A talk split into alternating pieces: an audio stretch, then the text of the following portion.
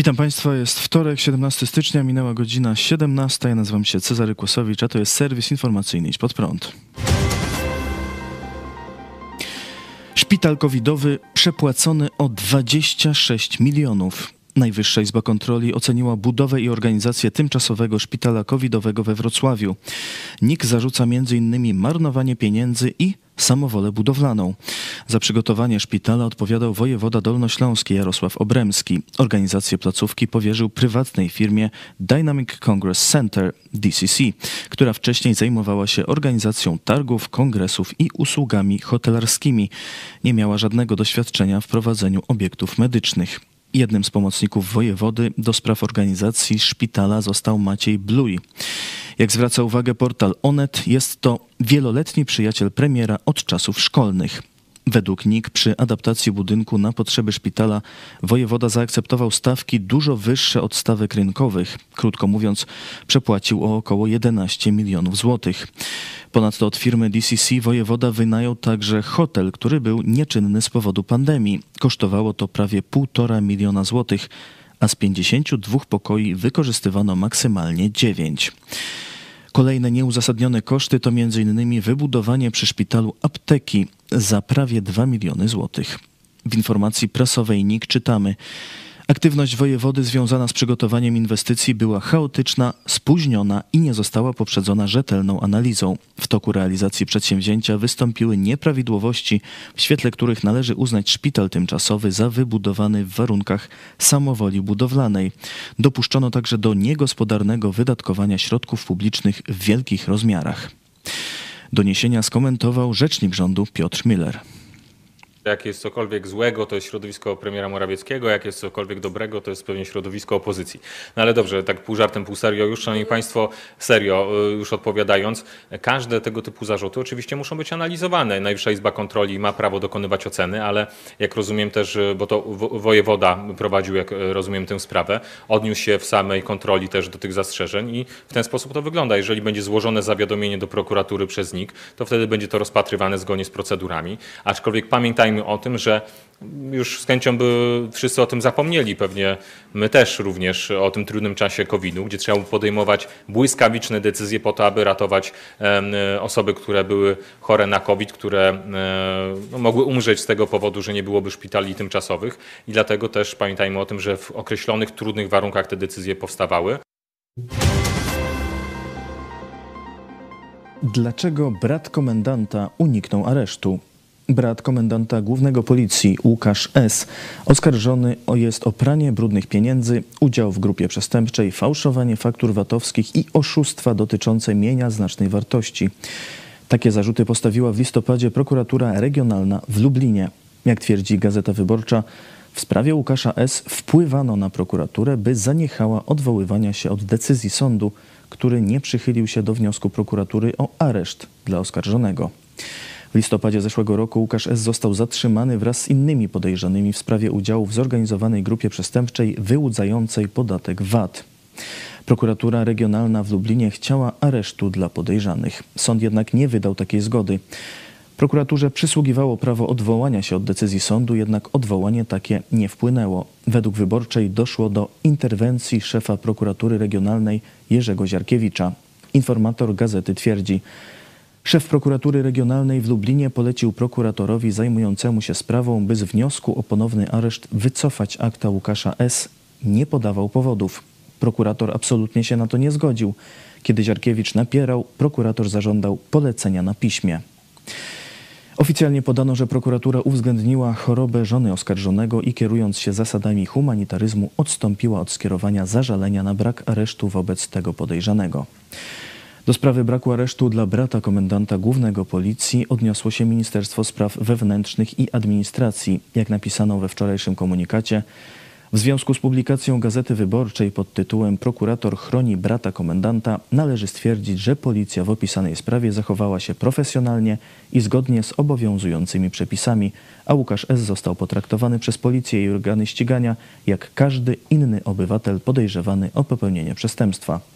Prokurator postawił im zarzuty i skierował wobec nich wniosek do sądu o areszt. Sąd nie przychylił się do tego wniosku, wskazując na ciężką chorobę onkologiczną żony Łukasza S. Ziemia za darmo, hotel i hala sportowa za darmo, remont za państwowe pieniądze. Komu w Polsce jest tak dobrze? Kościołowi katolickiemu. Archidiecezja warmińska buduje kolejny kompleks wypoczynkowy nad Jeziorem Łańskim, na ziemi, którą dostała od państwa.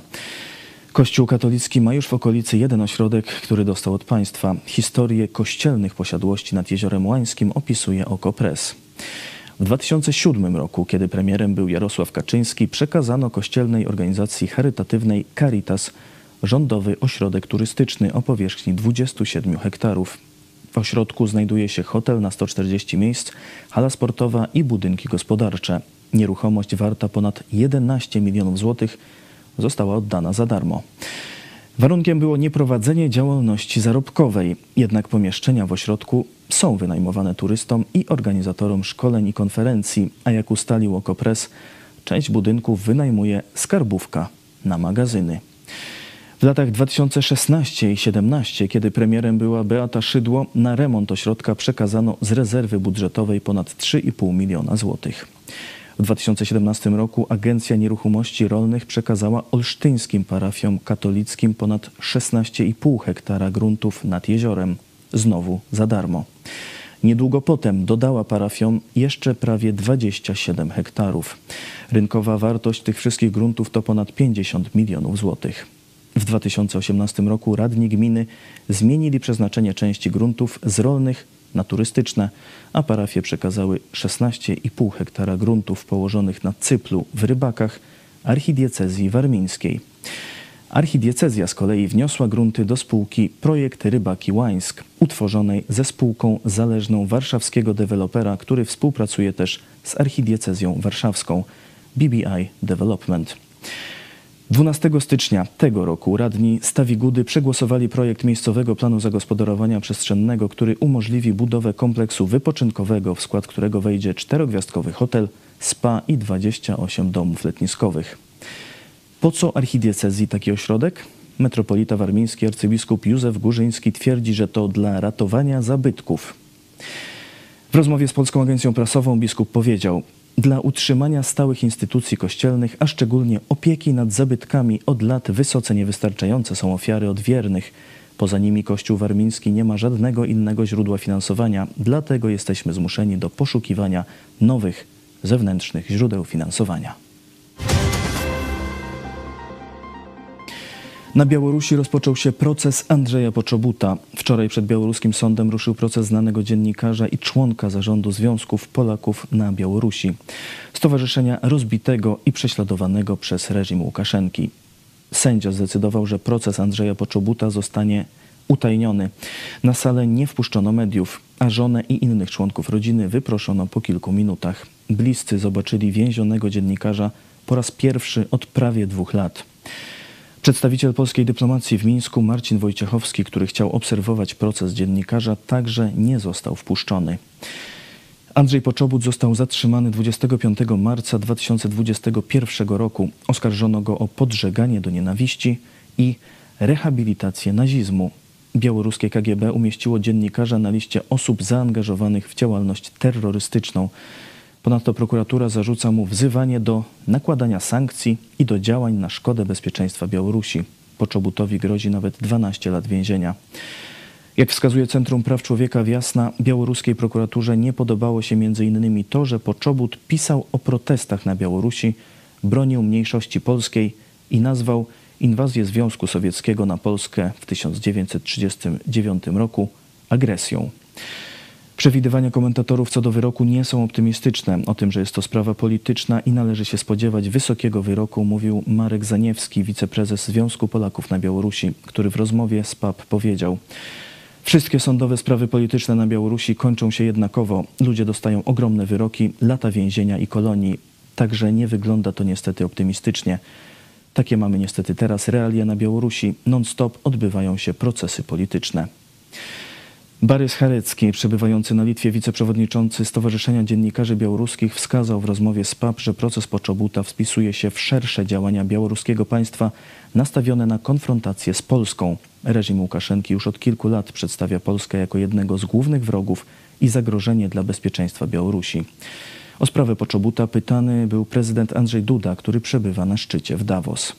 No, domagamy się tego uwolnienia od samego początku, cały czas. Oczywiście sprawa jest bardzo trudna. To była taka demonstracja siły ze strony reżimu Łukaszenki, e, to aresztowanie, uwięzienie pana Andrzeja Poczobuta.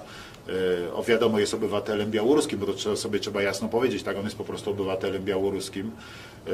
Natomiast oczywiście jest Polakiem i działaczem polskim na Białorusi. Walczymy o to, no ale niestety, jak widać, reżim traktuje go jako taki swoisty element przetargowy w całej tej sytuacji. Reżim stoi po stronie Rosji wojnie z, z Ukrainą od samego początku. My stoimy za to twardo przy Ukrainie i wspieramy Ukrainę, więc w jakimś sensie jesteśmy tutaj dodatkowo jeszcze przeciwnikami. No i to, to, to na pewno nie poprawia tej sytuacji, ale domagamy się uwolnienia pana Andrzeja Poczobuta cały czas. Jest, jest oczywiście absolutnie bezprawnie aresztowany. To jest przykład autorytaryzmu i, i terroru ze strony reżimu białoruskiego. Niemcy błyskawicznie budują gazoporty. W sobotę w Niemczech uruchomiono drugi już pływający terminal skroplonego gazu ziemnego LNG. Pierwszą tego typu inwestycję w Niemczech oddano do użytku zaledwie miesiąc wcześniej w porcie Wilhelmshaven po jedynie 200 dniach budowy. Do tej pory Niemcy importowały gaz wyłącznie rurociągami, dlatego dostawy LNG mają pomóc naszym sąsiadom uniezależnić się od zakupu surowca z Rosji. Terminal jest inwestycją prywatną, pozwoli zaimportować ponad 5 miliardów metrów sześciennych gazu rocznie. Ma on zaopatrywać przede wszystkim odbiorców we wschodnich Niemczech. Pierwszy transport skroplonego gazu pochodzi z Egiptu. W ciągu najbliższych czterech lat Niemcy planują uruchomić jeszcze pięć kolejnych państwowych terminali LNG. Pierwsze trzy mają zwiększyć przepustowość o około 20 miliardów metrów sześciennych LNG rocznie. To odpowiada ponad 40% importu gazu z Rosji w 2021 roku. Polska również ma w planach budowę pływającego terminalu LNG. Za jego budowę odpowiada spółka Gaz System. Według planów inwestycja ma zakończyć się dopiero w latach 2027-2028. Jak zapewnia inwestor, w Polsce konieczne jest wybudowanie znacznie większej infrastruktury niż w Niemczech. Poza tym Polska stawiała na inne sposoby pozyskiwania gazu. Między innymi gazoport e, w Świnoujściu. Do tej pory nie była to najbardziej priorytetowa inwestycja. Przyćmiewał ją Baltic Pipe i rozbudowa Świnoujścia. Być może zabrakło miejsca na trzeci projekt realizowany równolegle w ramach tego samego podmiotu, powiedział profesor Robert Zeidler, ekspert Instytutu Sobieskiego. Rozwija się koalicja na rzecz przekazania Ukrainie czołgów zachodniej produkcji. Deklaracja prezydenta Polski Andrzeja Dudy o przekazaniu Ukrainie kompanii czołgów Leopard skłoniła do szerszych rozmów o takim wsparciu dla ukraińskiej armii. Wczoraj Wielka Brytania potwierdziła zapowiedziane wcześniej przez premiera Rishiego Sunaka przekazanie Ukrainie 14 czołgów Challenger.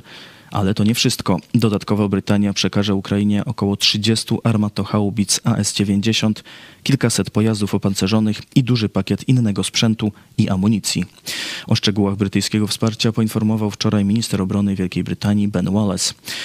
W tym kontekście przypomniał też o podniesionej przez Polskę sprawie przekazania leopardów i wezwał Niemcy do działania. Wiadomo, że Oczywiście Polska jest bardzo chętna do przekazania leopardów, podobnie jak Finlandia. Wszystko to obecnie zależy od decyzji niemieckiego rządu, nie tylko od tego, czy Niemcy dostarczą własne leopardy, ale czy dadzą pozwolenie innym. Namawiałbym do tego moich niemieckich kolegów, powiedział brytyjski minister obrony. Niemcy są producentem leopardów, dlatego według umów e, przekazanie czołgów tego typu państwu spoza NATO wymaga ich zgody. Premier Polski Mateusz Morawiecki również wezwał rząd Niemiec do działania na rzecz pomocy Ukrainie. Jak mówił we wczorajszym wystąpieniu podczas wizyty w Berlinie, Ukraińcy walczą nie tylko o swoją wolność, walczą w obronie Europy. Mocno domagaliśmy się obecności baterii Patriot w Ukrainie i nasz głos został usłyszany. Dziękujemy. Porażka Ukrainy może stać się wstępem do III wojny światowej, dlatego nie ma powodu, by blokować wsparcie Ukrainie, aby stosować prokrastynację. Wzywam rząd niemiecki do stanowczego działania polegającego na dostarczeniu wszystkich rodzajów uzbrojenia Ukrainie, apelował premier Morawiecki. Oprócz rządów Polski i Wielkiej Brytanii poparcie dla inicjatywy przekazania Ukrainie czołgów zachodniej produkcji wyraził też amerykański Pentagon i sekretarz generalny NATO Jens Stoltenberg. Gotowość przekazania swoich czołgów zgłosiły Dania i Finlandia. W piątek w Niemczech ma się odbyć spotkanie tzw. Tak grupy Rammstein. Ze spotkaniem tym wiązane są nadzieje na pozytywne uzgodnienia w sprawie przekazania leopardów. To wszystko w tym wydaniu serwisu. Kolejny serwis jutro o 17, a jeszcze dziś o 18 w dogrywce iść pod prąd. Zastanowimy się, dlaczego ci, którzy nie chodzą do kościoła, i tak muszą na niego płacić. Zapraszam, do zobaczenia.